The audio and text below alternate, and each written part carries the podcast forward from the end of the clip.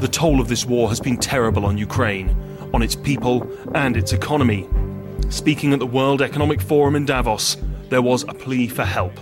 I tre månader har Ukraina-kriget kastat sin skugga över Europa och färgat världspolitiken. Och samtidigt som världseliten nu samlas i schweiziska Davos fortsätter det blodiga kriget bara 200 mil därifrån. As eyes turn to the Donbass, so does Western military support. På en kvart får du veta varför det är så svårt för Ukraina att få övertaget i kriget och vilken betydelse landets första krigsbrottsrättegång kan få. This was a moment of great significance.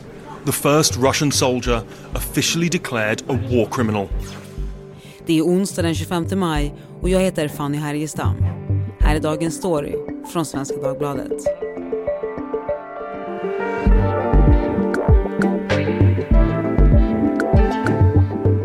Erik Bergin, utrikesredaktör här på Svenskan. Du, ehm, när du var med i podden sist för drygt en månad sedan då hade ju Ryssland precis bytt strategi. De hade dragit sig tillbaka från Kiev och la istället resurserna på östra Ukraina. Hur har det strategibytet fallit ut?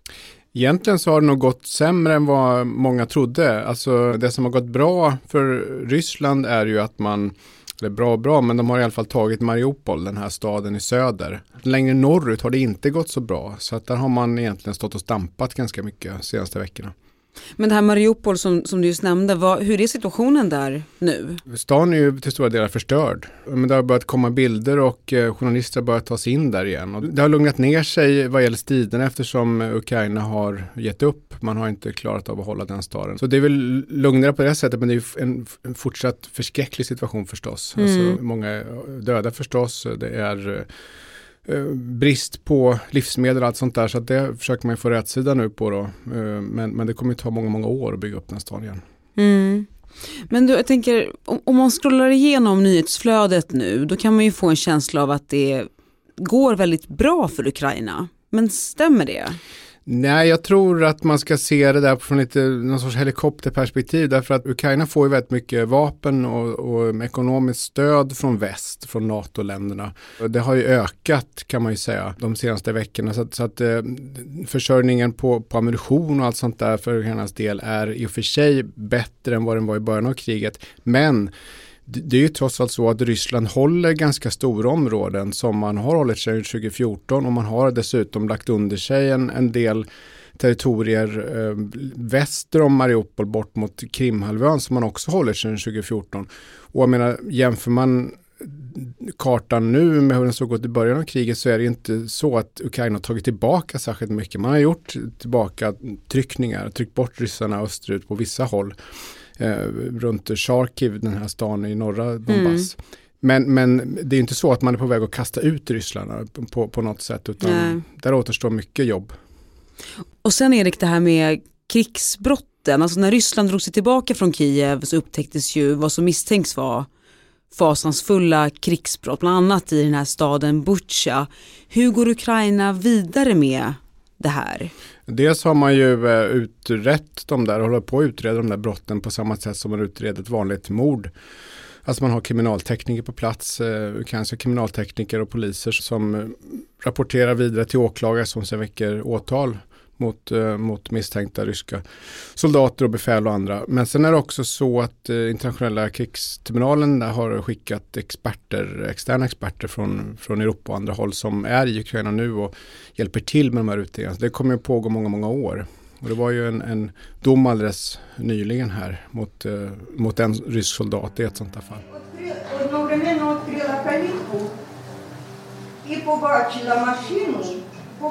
I rättegångssalen i Kiev sitter en ung man med rakat huvud i gråblå träningsoverall. Han har huvudet nedsänkt och blicken i golvet. Gravallvarlig och till synes djupt ångerfull.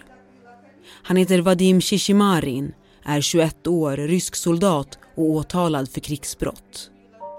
Under rättegången har bilden klarnat av vad som hände den där dagen, den 28 februari, när kriget pågått i bara några dagar. Enligt åtalet ska Vadim Shishimarin och fyra andra ryska soldater ha flytt i en stulen bil efter att deras pansarfordon gått sönder i Sumi-regionen. 500 meter ner längs vägen kommer 62-årige Alexander Shelipov gående med sin cykel. Han är obeväpnad, har civila kläder på sig och pratar i telefon. När den stulna bilen med de ryska soldaterna kommer upp sida vid sida med Alexander Shelipov beordras Vadim Shishimarin att skjuta honom. I'm sorry and I sincerely repent. I was nervous the moment it happened. I didn't want to kill, but it happened and I do not deny it. I rätten medger Vadim Shishimarin att han sköt mot mannens huvud med en kalasjnikov genom bilens bakfönster. Men menar att han bara lydde order och sa att han inte ville döda. A fellow soldier confirmed Shishimarin was obeying orders and had no choice but to fire the fatal shot. Även åklagaren i fallet säger att soldaten lydde order när han sköt. Men enligt Genèvekonventionen spelar det ingen roll. Att skjuta ihjäl en civilperson är ett krigsbrott även om han så att säga bara lyder order. Just meters away the widow of the man he'd admitted to killing. She told reporters she felt sorry for her husband's killer but that she couldn't forgive him. På måndagen föll domen. Vadim Shishimarin fick livstidsfängelse för mordet. Det här är det första krigsbrottsmålet i Ukraina sedan Rysslands invasion och den ukrainska åklagarmyndigheten säger sig ha dokumenterat 10 000 fall av misstänkta krigsbrott hittills i kriget. Hur viktigt politiskt är en sån dom, Erik? Jag tror att den är viktig för ukrainarnas självkänsla kan man säga. Kanske eh, dels politiskt men även alltså att man, att man har, har eh, haft rätt i de här anklagelserna mot Ryssland. Det här visar det man har hävdat och det bevisen har indikerat. Eh, du nämnde ju Butja och många andra håll också. Att eh, ryska soldater har skjutit på civila. Det får man inte göra i en krigssituation. Och vare sig de har gjort det under order från överbefälet eller de har gjort det på eget bevåg så är det ett krigsbrott. Och det, det är det här domen som visar det nu här. Och om vi pratar just om förluster, vad vet vi egentligen om hur många soldater som dödats eller tillfångatagits på vardera sidor? Det enkla svaret är väldigt lite. Alltså man, man vet ju egentligen inte några konkreta siffror som, som har eh, så att säga, vederlagts eller som har bevisats på något sätt. Det finns ju uppskattningar mm, uppemot eh, 30-40 000 ryska soldater som har dödats eller skadats och satts ur spel på olika sätt. Men det kan mycket väl vara så att de ukrainska siffrorna är lika höga och det kan också vara så att det är väldigt mycket luft i de här siffrorna. Så, så man vet inte det. Vad man vet är ju att det kommer väldigt lite information och väldigt lite beräkningar om förlusterna på den ukrainska sidan. Mm. Vilket beror på såklart att väst eh, vill ju stötta Ukraina och därför pratar man inte om det. Men, men det är ett problem om man ska göra sig en bild av kriget att, att det finns inga säkra siffror på någon av sidorna egentligen. Och president Zelensky uttalade sig häromdagen om förluster på den ukrainska sidan. Han sa något i stil med att idag kan upp till 100 soldater dö i östra Ukraina. Vad ville han ha sagt med det? Jag tror han vill ha sagt exakt detta, alltså att de har stora förluster även på, på den ukrainska sidan. Alltså det finns ju ett beslut sedan, sedan början av kriget om att män som är i rätt ålder för att kriga inte, inte får lämna landet. Och det här han sa, det citatet tror jag egentligen eh, är till för att mm, försvara det beslutet och också uppmana folk att delta, alltså uppmana Ukraina att delta i det ukrainska försvaret. Och det tyder på att man behöver folk helt enkelt för att skicka till fronten. Och så den eh, ryska sidan. Ryssland har ju ändå haft några väldigt stora förluster. Krigsfartyget Moskva som sänktes och så en hel bataljon på Donetsfloden. Vad har det här fått för konsekvenser? Det vet man ju egentligen inte så mycket om eftersom det inte kommer särskilt mycket trovärdig information från Moskva. Alltså de eh, oberoende medierna är, är där och det är statskontrollerade tv-kanaler och så vidare som för ut information därifrån. Men, men eh, jag tror ju att det är svårt att tänka sig att Putin och, och krigsledningen inte skulle inse eh, så här långt in i kriget att det inte går särskilt bra för Ryssland. Det finns också tecken på att Ryssland har stora problem med att rekrytera nya soldater. Man får ju inte kalla in värnpliktiga hur som helst eftersom det inte kallas för ett krig fortfarande. Det är en mm. specialoperation. Och där sitter man lite grann fast i. Och eh, de här förlusterna du nämnde och en del andra eh, är ju såklart ett stort problem. Och effekten av det ser man förmodligen också i östra Ukraina eftersom Ryssland har svårt att rycka framåt särskilt effektivt. Nu har det gått tre månader då in i kriget. Väst har hittills stått enade mot Ryssland men har den här enade fronten på något sätt börjat luckras upp? Ja, det tror jag man kan säga.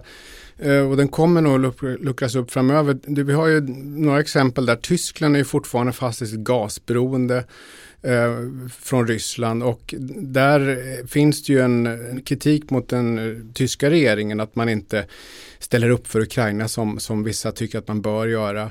Vi har förstås Turkiet som, som har stått nära Ryssland tidigare och eh, köpt ryska vapensystem och sånt där och där man nu är kritisk mot Sveriges och Finlands NATO-inträde och så vidare. Så jag tror att den här enigheten eh, är, det återstår att se hur pass eh, länge den räcker. Och man ser också att vissa länder eh, som Ungern till exempel är inte särskilt pigga på de här ryska sanktionerna och, och sådär. Så att jag tror kanske att vi har sett eh, en, en, att den kan ha pikat, så att säga, den här enigheten med, från väst. Men just eh, Sverige och Finlands eh, NATO-inträde då, Erik, är det liksom en splittrande fråga nu i väst när det gäller Ukraina? Kriget på något sätt? Inte så mycket egentligen. Jag tror att de flesta, men de 30 NATO-länder som, som eh, måste säga ja till, till eh, Sveriges och Finlands eh, ansökningar här, där är det ju bara Turkiet och sen har det kommit någon fundering från Kroatien. Men alltså de flesta backar ju upp Sveriges och Finlands eh, ansökningar till NATO. Så där, där tror jag nog att det är större enighet än vad det gäller själva kriget. Mm. Och den här veckan möts ju världsledarna i Davos. Eh, Zelensky, den ukrainska presidenten, höll ett tal där första dagen. Vad var syftet med att göra det? från hans sida? Det är, att, eh, det är samma syfte som han har haft när han har pratat inför alla andra parlament. Eh, och det handlar om att bygga upp enheten och backa upp, eh, cementera stödet för Ukraina i den här konflikten. Och jag tror att han känner att det behövs. Han, han har USA med sig, han har ju Frankrike och, och Storbritannien framförallt. Men han känner att, att det finns luckor i eh, stödet från väst och i stödet från EU. Och eh, det, det, behöver han överbrygga och jag tror att det är därför som man håller de här talen inför parlament och andra församlingar. Everybody of us is affected by what's happening in your country. Mr President, the floor is yours. Det var en ovanlig scen en statschef i krig, iförd sin militärgröna t-shirt som på länk beskriver för den globala världseliten hur hans dag börjar varje morgon. För mig startar morgonen med att jag får veta hur många människor som har dödats föregående dag. Idag var det 87 döda. Därmed är Ukrainas framtid utan dem, sa Ukrainas president Volodymyr Zelensky. Under måndagen invigningstalade han till deltagarna på World Economic Forum i Davos. I den schweiziska bergsbyn flockas nu världseliten, de rikaste och mäktigaste från politik, näringsliv, akademi, media och kultur. Our role in this world is to try to make a difference. Particularly those of us who are the privileged of this earth. Sist de träffades öga mot öga såg världen annorlunda ut. Covid-19 hade inte brutit ut än. Donald Trump var president. Och på gästlistan stod både Vladimir Putin och Rysslands rikaste oligarker. I år är de inte välkomna. På Bergsbyns huvudgata där de brukar släppa loss till kaviar och champagne i festlokalen Russia House finns numera istället Russian War Crimes House där en utställning berättar om Ukraina-krigets fasor. I think we have to give voice to people who are suffering in Ukraine and war crimes are happening. I sitt tal underströk Volodymyr Zelensky vikten av hårdare sanktioner mot Ryssland och uppmanade väst till att behålla sin enighet. I publiken satt Kievs borgmästare med sin bror, också de talade. Every one of you have to understand, we defending you personally. We fighting for values where is main values is the human rights. Om Ukraina inte vinner kommer kriget snart att knacka på er dörr, sa de till världseliten i Davos. Vad skulle krävas nu då, Erik, för att Ukraina skulle kunna vända på det här och få verkligen ett övertag i, i kriget? Väldigt bra fråga. Alltså, det är ju så många osäkerhetsfaktorer här. Man vet inte hur det ser ut med deras försörjning vad gäller soldater. Man vet heller inte hur det ser ut med de här vapensystemen. Hur många som faktiskt kommer fram och hur svåra de är. Att man måste utbilda soldater på de här systemen mm. för att kunna använda dem effektivt. Jag tror att det, det som skulle krävas för, en, för en, ett snabbt, en snabb seger, relativt snabb, inom det här året, det är att någon typ av rysk kollaps, alltså att, att det blir de rysk, ryska befälskedjorna bryter samman, eh, stora deserteringar, att man helt enkelt inte klarar av att föra kriget framåt från den ryska sidan. Då är det möjligt att, att uh, Ukraina skulle kunna göra en snabb framryckning och ta tillbaka även områden som hållits av Ryssland sedan 2014. Men det är inget som jag har sett i, uh, av den nyhetsrapporteringen som kommer just nu. Så just nu står det mer snarare och väger. Man mm. vet inte vem som har övertagit riktigt. Och i början av kriget då var det ju mycket fokus på hotet om kärnvapen eller kemiska stridsmedel. Det var något som många oroade sig för att Putin skulle ta till det här för att vinna. Har den hotbilden förändrats på något sätt? Nej, det har det väl egentligen inte, men det har ju både analytiker externt, men även Putin själv och andra i hans regering har ju sagt att när kärnvapen inte är aktuellt eh, i Ukraina-krisen, å andra sidan har han liksom hotat mer indirekt, så att det är ingen som egentligen vet vad, vad den ryska statsledningen, liksom, krigsledningen planerar där. Jag tror inte att hotet har förändrat, men det har väl inte minskat heller kan man väl säga. Det är nog ganska konstant. Det Ryssland säger nu det är att man eh, och det hänger ihop med Finlands och, och Sveriges ansökningar till NATO, att man ska flytta fram eh, kärnvapenpositionerna eh, västerut mot, mm. mot ett expanderande NATO förstås. Men det har egentligen inte med Ukraina-krisen att, att göra annat än indirekt. Och framåt då, Erik, vad, vad håller du koll på framöver nu i krigets utveckling? Det är de rännilar av information som kommer in från Ryssland. Alltså det är svårt att göra en bedömning av läget där. Man skulle vilja veta mycket mer om diskussionerna i Kreml och i försvarsdepartementet och så vidare. Men, men all sån information är ju väldigt viktig för att bedöma hur det kommer att sluta och hur lång tid det kommer att pågå. Tack Erik Bragin för att du var med i Dagens Story. Tack själv. Vi som gjorde programmet idag är producent Kajsa Linderoth, redaktör Teresa Stenle von Matern och jag heter Fanny Härgestam. Vill du kontakta oss så mejla till dagensstory.svd.se. Ljudklippen idag kom från BBC, AP, Channel 4, Radio Free Europe, CNN, World Economic Forum och Reuters.